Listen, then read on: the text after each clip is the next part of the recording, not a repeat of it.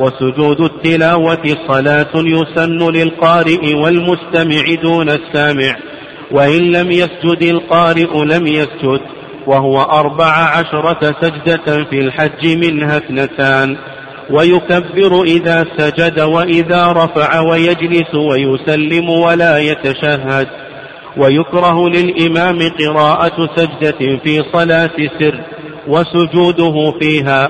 ويلزم المأموم متابعته في غيرها ويستحب سجود الشكر عند تجدد النعم واندفاع النقم وتبطل به صلاة غير جاهل وناس تقدم لنا شيء من مباحث صلاة التطوع وذكرنا بالأمس شيئا من مباحث صلاة الوتر ثم بعد ذلك تكلم المؤلف رحمه الله تعالى عن السنن الرواتب وذكرنا جملة من مباحثها عددها ووقتها وأي السنن آكد وأن آكد السنن ركعة الفجر ثم بعد ذلك ركعة المغرب ثم بعد ذلك سواء وذكرنا أيضا أن ركعة الفجر لها سنن تختص بها ثم بعد ذلك ذكرنا من مباحث سنن الرواتب هل يشرع قضاؤها أو لا يشرع قضاؤها إلى آخره ثم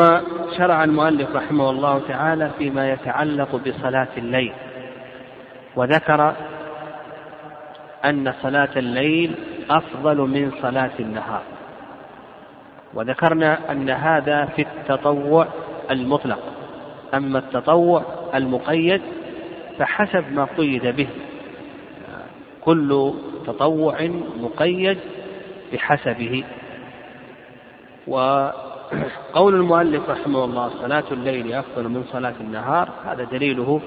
ما ثبت في صحيح مسلم أن النبي صلى الله عليه وسلم قال أفضل الصلاة بعد المكتوبة صلاة الليل وقوله وأفضلها ثلث الليل بعد نصفه ذكرنا أن هذا هو قيام داود عليه الصلاة والسلام وهو الذي أرشد النبي صلى الله عليه وسلم عبد الله بن عمرو إليه وكان عبد الله يقوم الليل كله فأرشده النبي صلى الله عليه وسلم إلى قيام داود وأن داود عليه الصلاة والسلام كان ينام نصف الليل ويقوم ثلثه ويقوم ثلثه وينام سدسه قال المؤلف رحمه الله تعالى وصلاة ليل ونهار مثنى مثنى صلاة الليل لها آداب ولها سنن ينبغي لمن قام الليل أن يعنى بهذه الآداب وهذه السنن فمن ذلك أن يعنى بالأذكار الواردة عند القيام من الليل ومن ذلك أن يمسح وجهه إذا قام من الليل وأن يقرأ الآيات العشر من آخر سورة آل عمران ومن ذلك أن ينوي قيام الليل استحب عند نومه أن ينوي قيام الليل إذ إنه إذا نوى ولم يقم يكتب له الأجر عند الله عز وجل ومن ذلك أن يتهيأ لقيام الليل أن يتهيأ وأن يتخذ الأسباب التي تعينه على قيام الليل وفي حديث عائشة أنها ذكرت أنهم كانوا يعدون للنبي صلى الله عليه وسلم السواك والطهور يعني الماء الذي يتوضأ به والسواك الذي يستاك به كل ذلك استعدادا لقيام الليل ومن السنن أنه إذا استيقظ من نومه يستحب له أن يشوط فاه بالسواك كما جاء في حديث حذيفة رضي الله تعالى عنه ومن السنن أن يغسل يديه ثلاثا كما جاء في حديث أبي هريرة رضي الله تعالى عنه ومن السنن أن يستنشق الماء بمنخريه ثلاث مرات كما جاء في حديث أبي هريرة رضي الله تعالى عنه ومن السنن أن يفتتح قيام الليل بركعتين أن يفتتح قيام الليل بركعتين خفيفتين ومن السنن أيضا أن يعنى بهدي النبي صلى الله عليه وسلم في صلاة الليل وأن يطيل القيام وأن يطيل القراءة ومن ذلك ما جاء في حديث حذيفة أن النبي صلى الله عليه وسلم ما مر بآية وعد إلا سأل ولا مر بآية وعيد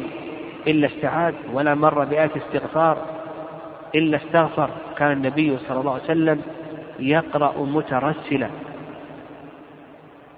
ومن السنن أيضا أن يعنى بالاستفتاحات الواردة عن النبي صلى الله عليه وسلم كاستفتاح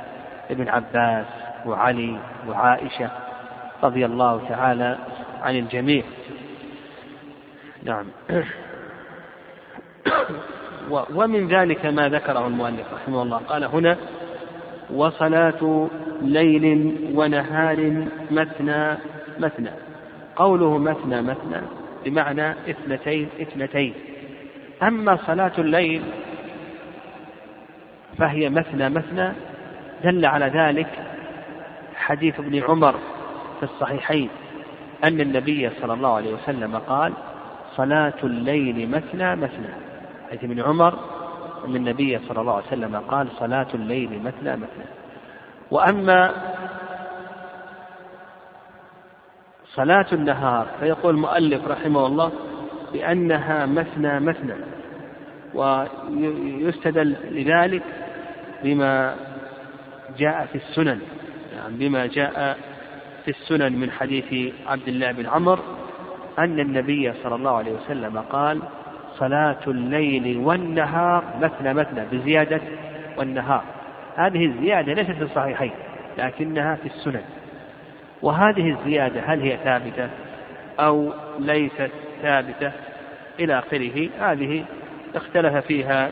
العلماء رحمهم الله تعالى وأنكرها أنكرها كثير من الأئمة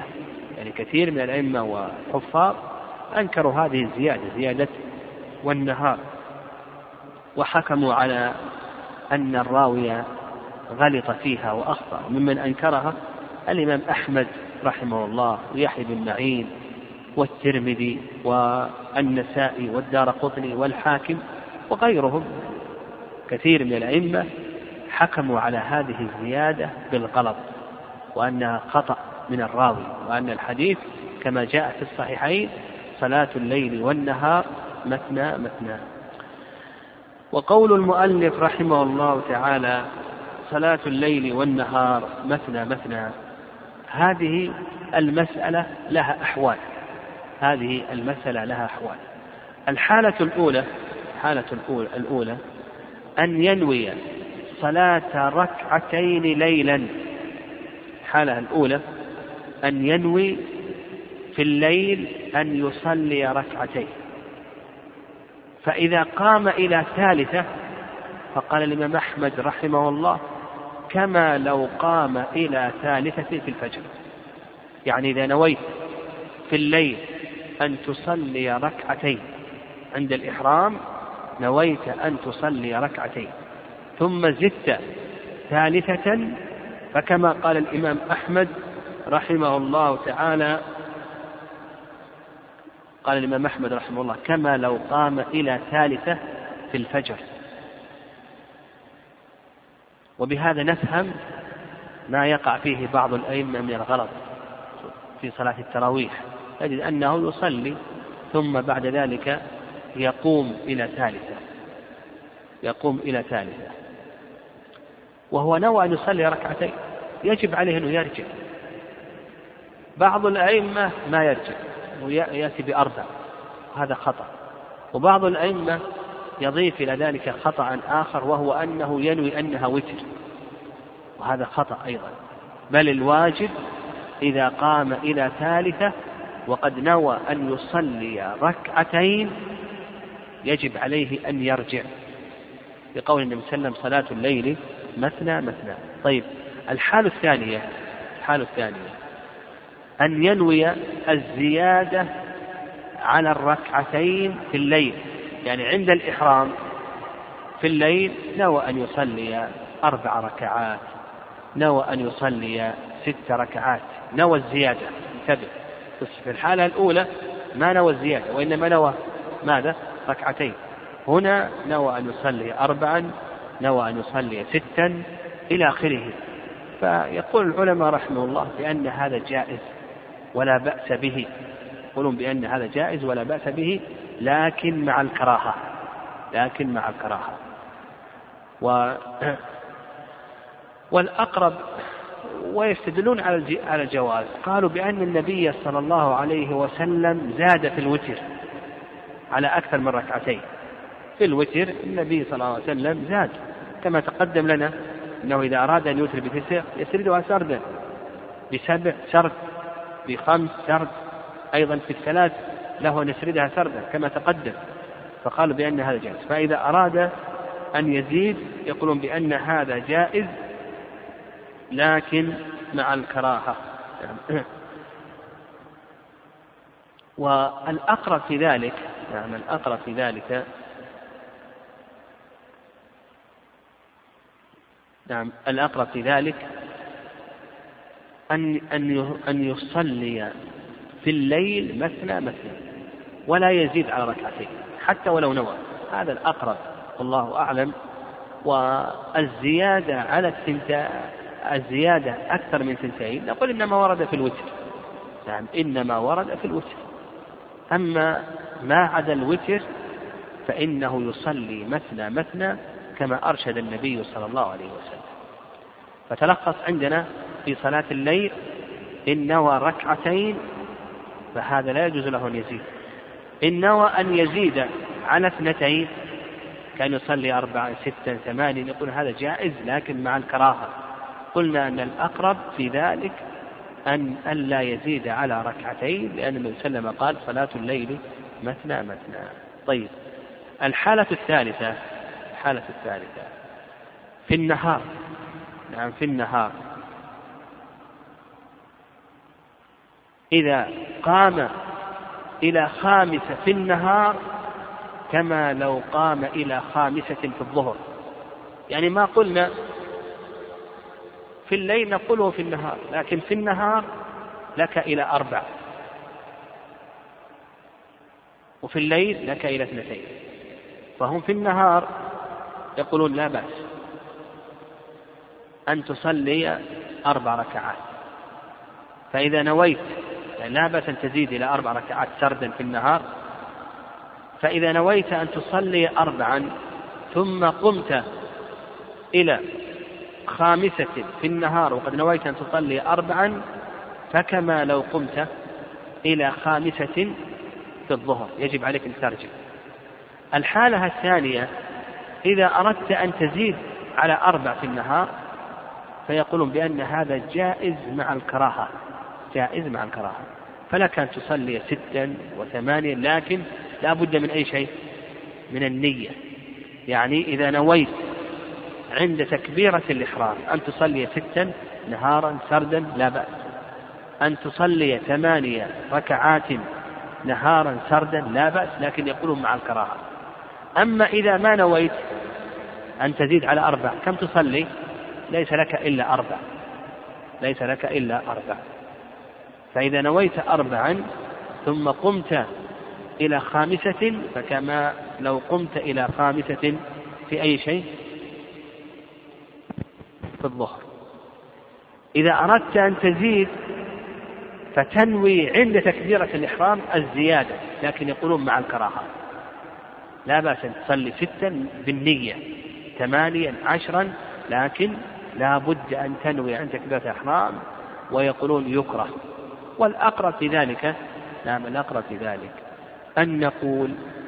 آه، آه، آه، ما دام أنه ثبت أن وسلم الزيادة إلى أربع يقول يقتصر في النهار سردا إلى أربع كما أنه يقتصر في الليل سردا إلى كم ها؟ إلى تنتين في الليل تقتصر على تنتين إلا الوتر نعم إلا الوتر فالوتر كما تقدم قال المؤلف رحمه الله تعالى وإن تطوع في النهار بأربع كالظهر فلا بأس نعم لا بأس وجاء في ذلك حديث أبي أيوب أن النبي صلى الله عليه وسلم كان يصلي قبل الظهر أربعا لا يفصل بينهن بتسليم أخرجه أبو داود وغيره وإسناد ضعيف لكنه أيضا جاء من حديث عائشة وجاء من حديث علي رضي الله تعالى عنهم فله شاهد من حديث عائشة وله شاهد من حديث علي رضي الله تعالى عنهم وعلى هذا نقول لا بأس أن يتطوع بأربع لكن لو نوى أربع وقام إلى خامسة إيش نقول؟ يجب عليك أن ترجع ولو نوى أن يصلي ستا نقول بأن هذا جائز ما دام أنه نوى عن تكبيرة الإحرام أن يصلي ستا نقول جائز مع الكراهة أو ثمانية ركعات يقول بأن هذا جائز مع الكراهة قال المؤلف رحمه الله وقوله كالظهر يعني كالظهر يعني يصلي أربع ركعات بتشهدين يقول المؤلف رحمه الله لا بأس وهذا فيه نظر يعني الصحيح أنه إذا أراد أن يسرد يعني الصحيح أنه إذا أراد أن يسرد فإنه يسردها بتشهد واحد لأن النبي صلى الله عليه وسلم نهى عن عن الإيتار بثلاث ركعات كي لا تشبهوا بصلاة المغرب ولهذا نقول لو صلى وترا ثلاث ركعات بتشهدين نقول بأن هذا مكروه لأن النبي صلى الله عليه وسلم نهى عن ذلك مثل هنا أيضا لو صلى في الضحى أربع ركعات بتشهدين تشبه بصلاة الظهر فنقول بأنه مكروه وعلى هذا إذا أراد أن يسرد أربعا نهارا يقول يسردها بتشهد واحد وسلام واحد قال المؤلف قال المؤلف رحمه الله تعالى وأجر صلاة قائد على نصف أجر صلاة قائد أجر صلاة القائد على النصف من أجر صلاة القائد إذا صلى قاعدا فله حالتان يعني المتطوع يجوز له أن يصلي قاعدا لكن إذا صلى قاعدا نقول بأن له حالتين الحالة الأولى أن يكون معذورا لمرض ونحو ذلك فهذا له الأجر كاملا ما دام أنه يفعل ذلك في حال الصحة قبل العذر له الأجر كاملا وفي حديث أبي موسى في الصحيح أن النبي صلى الله عليه وسلم قال إذا مرض العبد أو سافر كتب له ما كان يعمل صحيحا مقيما فنقول الحالة الأولى أن تكون صلاته قاعدا لأي شيء لعذر وكان قبل العذر يصلي قائما إنسان يصلي السنن يصلي قيام الليل والوتر يصلي قائما لكنه مرض صلى جالسا يقول يكتب له ما كان يعمل صحيحا مقيما وهذه فائدة المحافظة على التطوعات والسنن إذا حصل لك عذر من مرض أو سفر يكتب لك كأنك تعملها في حال الإقامة والصحة الحالة الثانية الحالة الثانية أن يصلي جالسا بلا عذر فهذا كما جاء في حديث عمران رضي الله تعالى عنه أن النبي صلى الله عليه وسلم قال نعم أن النبي عليه الصلاة والسلام قال من صلى قائم قائدا فله إذ فله أجر نصف القائد من صلى قائدا فله أجر نصف القائد وإذا صلى مضطجعا فله نصف أجر القائد إذا صلى مضطجعا فله نصف أجر القائد وإذا صلى قاعدا فله نصف أجر القائم قال رحمه الله طيب وكي ما هي كيفية الصلاة قاعدة إذا صلى قاعدا نقول البدل له حكم المبدل كأنك تصلي قائما ترفع يديك عند تكبيرة الإحرام تضع اليد اليمنى على اليد اليسرى على صدرك وترفع عند الركوع وتفترش في مواضع الافتراش وتتورك في مواضع التورك إلا أن العلماء رحمهم الله تعالى يقولون يعني العلماء رحمهم الله تعالى يقولون آه، آه، آه، بالنسبة للجلوس في حال قيام يقول يجلس متربعا تربع أن تفضي بمقعدك على الأرض وترد رجلك اليمنى يعني ترد رجلك اليمنى على الفخذ اليمنى والرجل اليسرى على الفخذ اليسرى يعني في حال قيام تجلس متربعا هذا يقول الأفضل وإن جلست على أي جلسة هذا جائز لكن الأفضل أن تجلس متربعا ويدل لذلك حديث عائشة أن النبي صلى الله عليه وسلم وأنها قالت رأيت النبي صلى الله عليه وسلم يصلي متربعا يعني ويؤمن بالركوع وأما السجود فإنه يسجد سجودا تاما السجود يسجد سجودا تاما وأما الركوع فإنه يؤمن بالركوع يعني يؤمن بالركوع بحيث أنه يومئ بحيث يقابل وجهه الأرض سيأتينا إن شاء الله زيادة لهذا في باب آه، صلاة الجماعة في باب صلاة المريض لكن المهم هنا نفهم أن البدل له حكم مبدل وأنه يفترش ويتورك ويضع يديه يأتي بالسنن إلى آخره ويسجد سجودا تاما ويومئ بالركوع وأما في حال قيام فالعلماء يقولون يجلس متربعا لحديث عائشة في النساء ولو جلس غير هذه الجلسة فإن هذا جائز ولا بأس به قال رحمه الله وتسن صلاة الضحى الضحى من التطوعات المؤكدة وصلاة مضاف والضحى مضاف إليه وهذا من باب إضافة الشيء إلى وقته يعني الصلاة التي تشرع في هذا الوقت في وقت الضحى وصلاة الضحى تحتها مباحث يعني صلاة الضحى تحتها مباحث ظاهر كلام المؤلف رحمه الله في قوله وتسن صلاة الضحى ظاهر كلام المؤلف رحمه الله أن صلاة الضحى مشروعة دائما هذا آه ظاهر كلام المؤلف وهذا قال به كثير من العلماء كثير من العلماء حتى نسب إلى جمهور العلماء أن صلاة الضحى تشرع دائما والمشهور من المذهب أن صلاة الضحى لا تشرع دائما يعني يفعلها في بعض الأوقات ويتركها في بعض الأوقات يعني تفعل غبا تفعل غبا يعني يفعلها في بعض الأوقات ويتركها في بعض الأوقات واستدلوا على ذلك بحديث أبي سعيد رضي الله تعالى عنه قال كان الرسول صلى الله عليه وسلم يصلي الضحى حتى نقول لا يدعها ويدعها حتى نقول لا يصلي لكن هذا الحديث ضعيف يعني هذا الحديث أخرجه الإمام أحمد والترمذي وغيرهما وإسناده ضعيف في عطيه بن سعيد العوفي هذا ضعيف والرأي الثالث أن صلاة الضحى تشرع إذا وجد السبب من الأسباب هذا اختيار ابن القيم رحمه الله إذا وجد سبب من الأسباب كما لو نعم كما لو زار شخصا كما في قصة عتبان نعم كما في قصة عتبان رضي الله تعالى عنه لما زاره النبي صلى الله عليه وسلم وصلى في بيته وكذلك أيضا كما لو قدم من سفر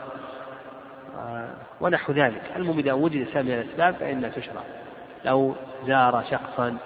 أو قدم من سفر و آه، نعم أو نحو ذلك فيقول بأن صلاة الضحى تشرع الرأي الثالث الرابع أن صلاة الضحى تشرع لمن لم يقم الليل إذا لم يقم الليل شرعت له صلاة الضحى وهذا ذهب إليه شيخ الإسلام تيمية رحمه الله الرأي الخامس والأخير وهو أضعفها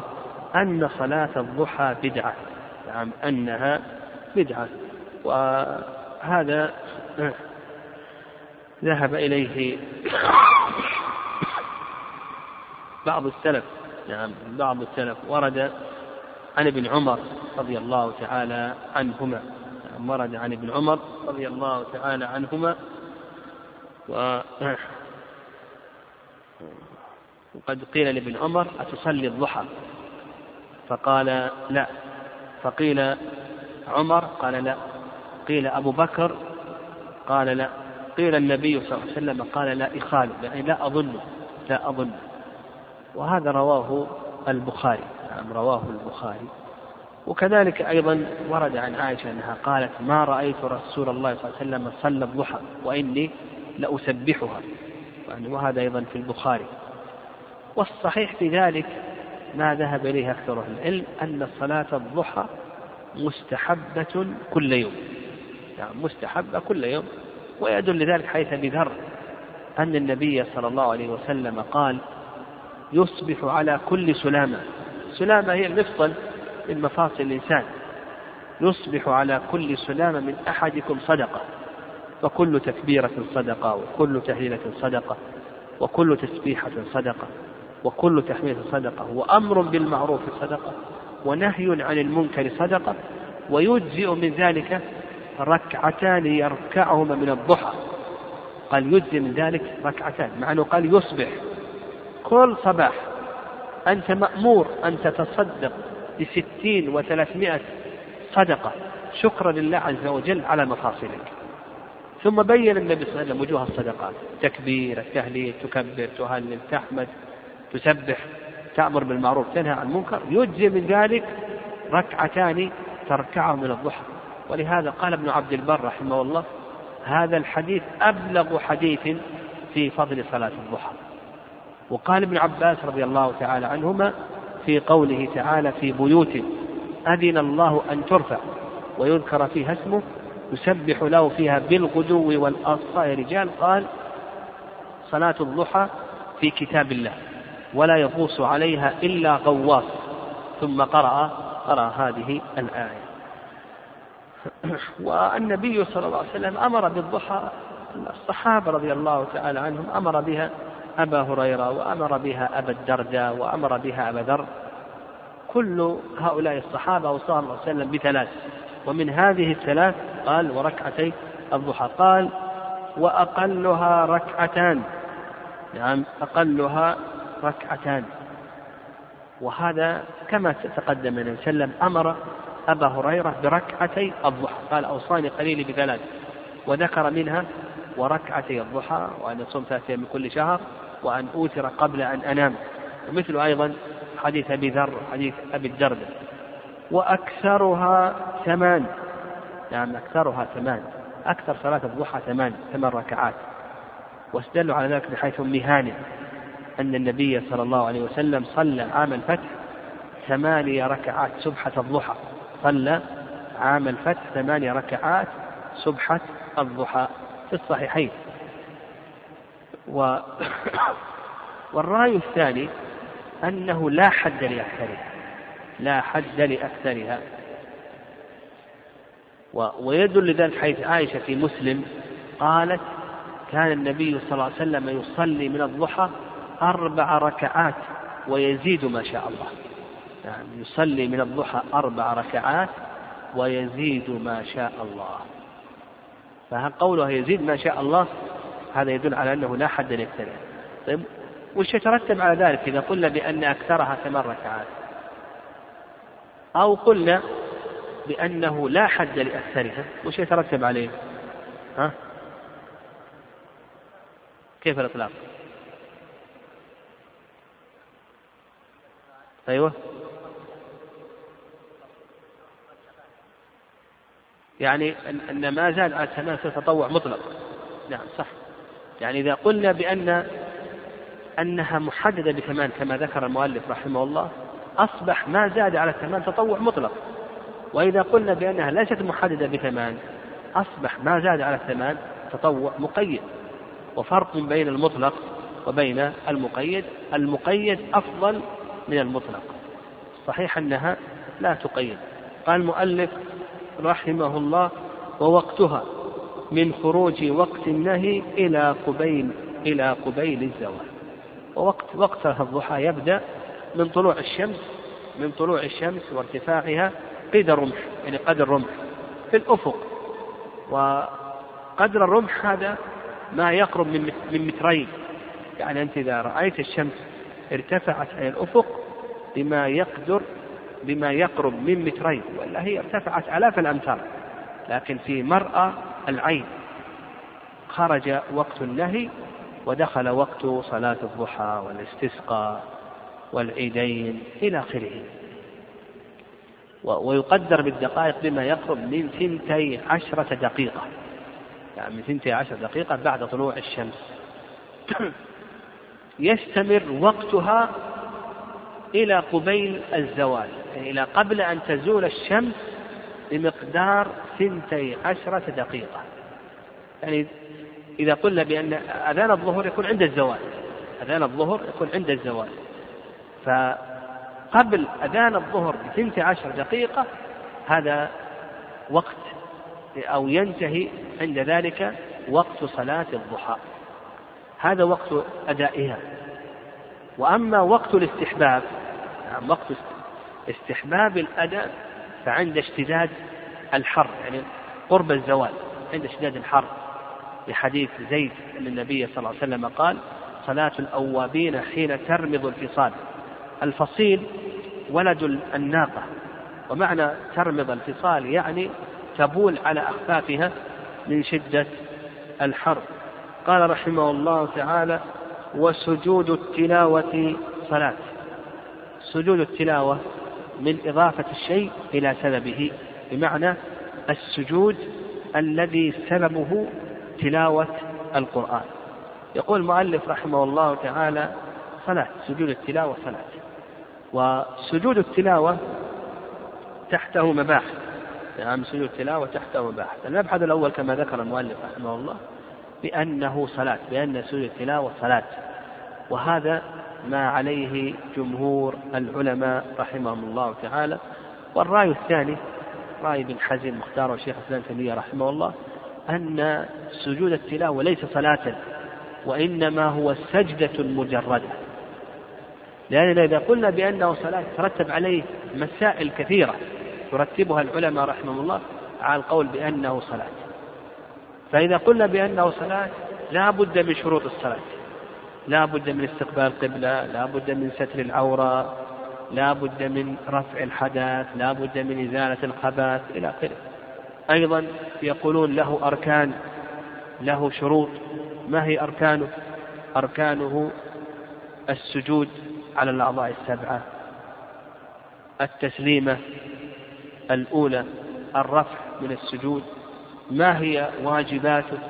واجباته التكبيرة تكبيرة السجود تكبيرة الرفع التسليمة الثانية إلى آخره فهم يقولون نعم تكبيرة الركوع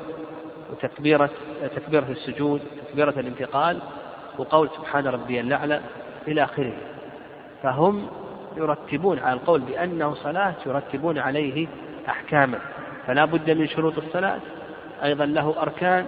له واجبات إلى آخره ودليلهم على أنه صلاة دليلهم قالوا ما ورد أن ابن عمر قال لا يسجد الرجل إلا وهو متوضئ نعم لا يسجد الرجل إلا وهو متوضئ أو وهو طاهر وهذا رواه البيهقي وإسناده صحيح والرأي الثاني أنه سجدة مجردة الرأي الثاني أنه سجدة مجردة ودليلهم على ذلك لأن النبي صلى الله عليه وسلم قال كما في حديث عبادة لا صلاة لمن لم يقرأ بفاتحة القرآن فدل ذلك على أن الصلاة لا بد أن فيها من فاتحة القرآن وسجود التلاوة ليس فيه بالإجماع أن الفاتحة لا تقرأ فيها وأيضا حيث علي تحريمها التكبير وتحليلها التسليم سجود التلاوة هذا ضابط الصلاة ضابط الصلاة اللي تسمى صلاة شرعا كما ذكر ابن القيم رحمه الله هي التي تفتتح بالتكبير تختتم بالتسليم ولم يثبت في سنة التلاوة لا تكبير ولا تسليم لم يثبت أنها تفتتح بالتكبير أو تختتم بالتسليم مع أنه ورد أيضا عن, عن ابن عمر رضي الله تعالى عنه أنه كان يسجد على غير وضوء هذا علقه البخاري صيغة الجد والصحيح أنها أن سورة التلاوة ليس صلاة قال يسن للقارئ والمستمع لأن نعم، يسن للقارئ والمستمع قوله يسن يؤخذ من هذا أن السجود التلاوة ليس واجبا وإنما هو سنة وهذا ما عليه جمهور العلماء رحمهم الله والرأي الثاني نعم الرأي الثاني حديث رأي شيخ الإسلام تيمية رحمه الله وأن سجود التلاوة واجب نعم. آه. الجمهور يستدلون بأدلة من أدلتهم حديث زيد بن ثابت قال قرأت على النبي صلى الله عليه وسلم والنجم ولم يسجد فيها قرأت على النبي صلى الله عليه وسلم والنجم ولم يسجد فيها رواه البخاري والذين قالوا بأنه واجب نعم قالوا بأنه واجب استدلوا بظاهر الأمر فاسجدوا لله واعبدوا وإذا قرئ عليهم القرآن لا يسجدون إلى آخره والصواب في ذلك أن السجود التلاوة ليس واجبا وإنما هو سنة وعمر رضي الله تعالى عنه قرأ السجدة في خطبة الجمعة على المنبر وسجد نزل وسجد سجد الناس معه فلما كانت الجمعة الثانية قرأها فتهيأ الناس للسجود فقال إن الله لم يفرض علينا ذلك إلا أن نشاء وهذا من محضر الصحابة رضي الله تعالى عنه وقوله للقارئ هذا ظاهر والمستمع المقصود بالمستمع هنا الذي قصد استماع القراءة فيستحب له أن يسجد لقول ابن عمر رضي الله تعالى عنهما كان النبي صلى الله عليه وسلم يقرأ علينا السورة فيها السجدة فيسجد ونسجد معه يعني في الصحيحين دون السامع السامع هو الذي لم يقصد الاستماع وإنما سمع عرضا مر مع هذا القارئ مر مع القارئ فإذا هو يقرأ آية السجدة فسجد القارئ نقول بأن السامع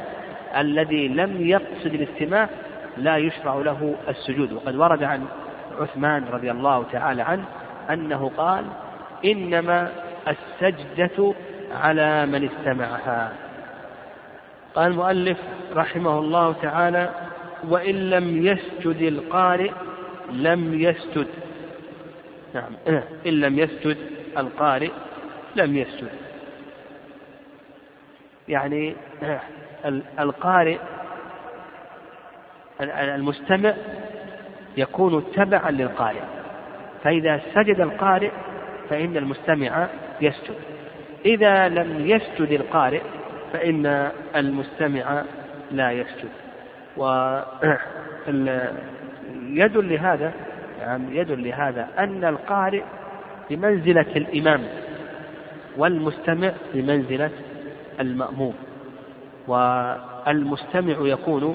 أو المأموم يكون تبعا نعم يعني يكون تبعا لإمامه يقول بأنه يكون تبعا لإمامه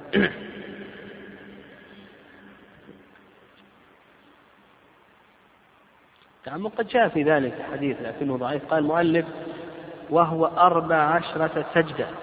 في الحج منها اثنتان ذكر المؤلف رحمه الله عدد السجدات فقال وهو أربع عشرة سجدة الأئمة يتفقون على عشر سجدات عشر سجدات يتفقون فيها ويختلفون في خمس سجدات يختلفون في خمس سجدات عشر سجدات يتفقون عليها وخمس سجدات يختلفون فيها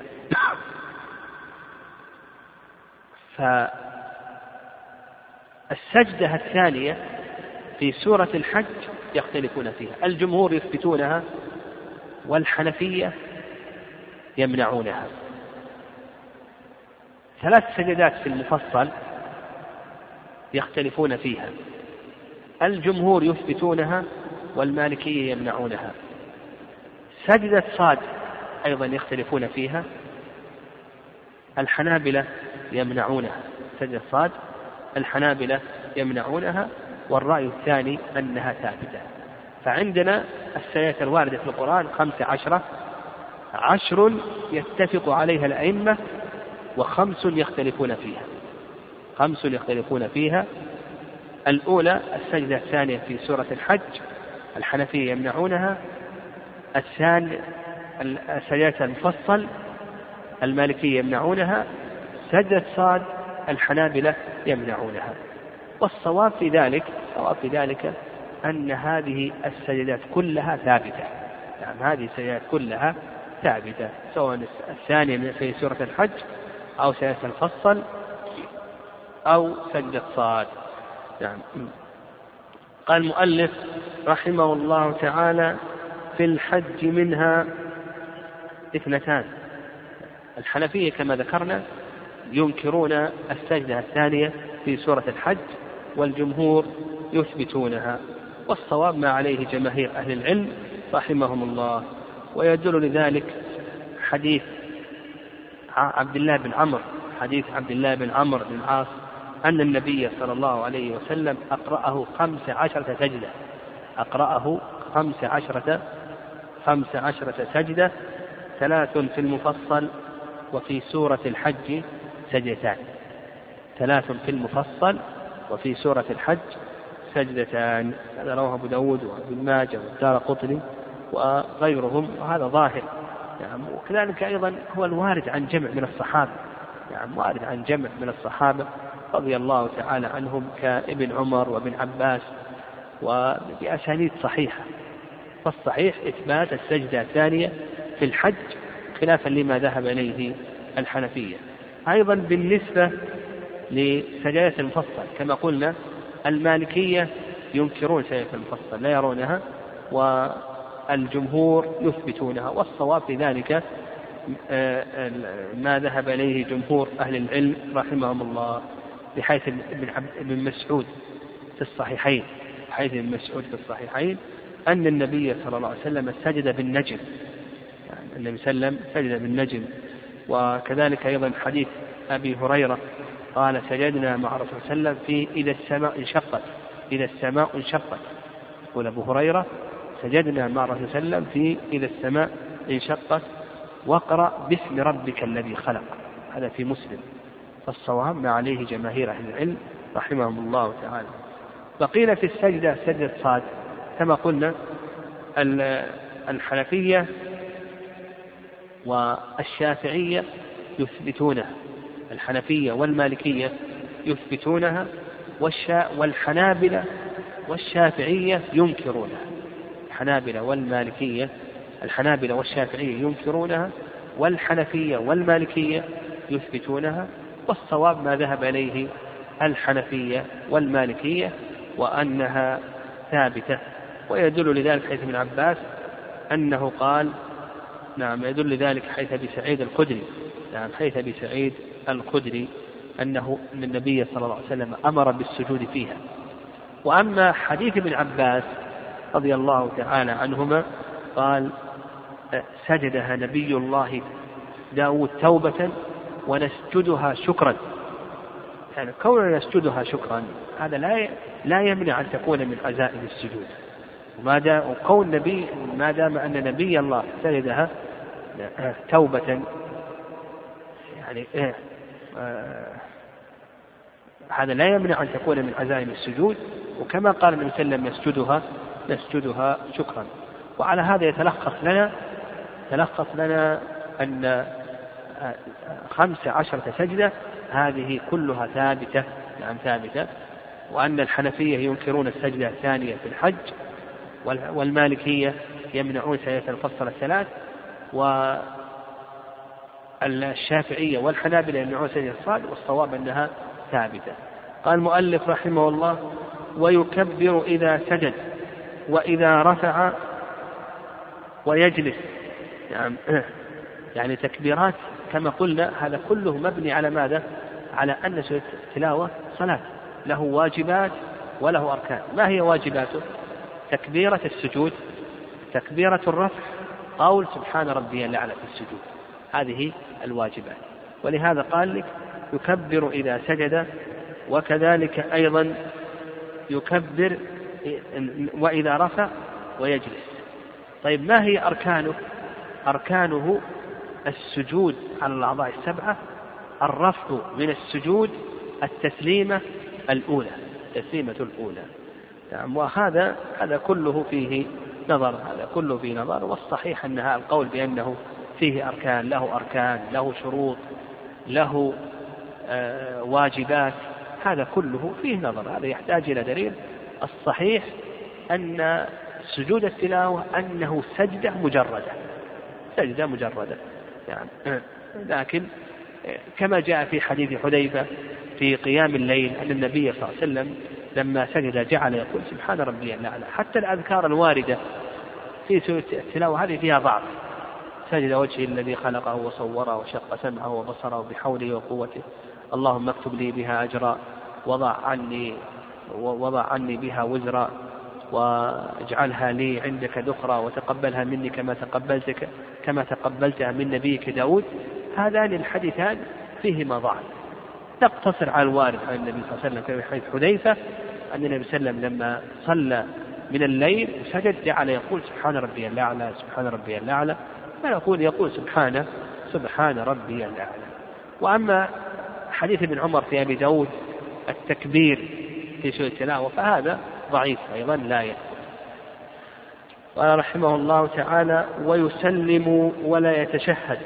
يسلم تسليمة واحدة المجزي واحدة ولو سلم تسليمتين تسليمتين أفضل يعني المذهب لو سلم تسليمتين أفضل ولو اقتصر على واحدة فإنها مجزية وهي الركن كما سلف ولا يتشهد لعدم وروده قال ويكره للإمام قراءة سجدة في صلاة سر وسجوده فيها يقول لك المؤلف رحمه الله يكره للإمام أن يقرأ آية فيها سجدة في صلاة سر مثل صلاة الظهر صلاة العصر يكره أن تقرأ آية فيها سجدة لماذا؟ لأنك بين أمرين إما أن تسجد فتشوش على المصلين وإما أن تترك السجود تكون تركت سنة تكون تركت سنة عن النبي صلى الله عليه وسلم وعلى هذا لا تقرأ سجدة فيها لا تقرأ آية فيها سجدة في صلاة سرية لما تقدم إما أن تسجد فتشوش وإما أن تترك السجود تكون تركت هذه السنة عن النبي صلى الله عليه وسلم وهذا الكراهة فيها نظر صحيح أن الكراهة حكم شرعي يفتقر إلى حكم إلى دليل شرعي الصواب أنه لا يكره الصواب أنه لا يكره يعني كون الإنسان يترك السنة خشية المفسدة يقول بأنه لا يكره اقرأ الآية التي فيها سجدة وإذا خشيت التشويش لا تسجد ترك السنة لا يلزم منه الوقوع في المكروه كون الإنسان يترك السنة لا يلزم من ذلك الوقوع في المكروه أو نقول أن الإنسان إذا قرأ السجدة يرفع صوته خصوصا إذا كان من خلفه طلبة علم ليس فيهم عوام يرفع صوته وحينئذ يفهمون أنه سجد أما القول بال القول بالكراهة فهذا فيه نظر تقدم أنه تقدم لنا أنه يستحب أن يسمع الآية أحيانا قال وتستحب و ويستحب السجود الشكر عند تجدد النعم واندفاع النقم سجود الشكر آه، آه، آه، سجدة الشكر من إضافة الشيء إلى سببه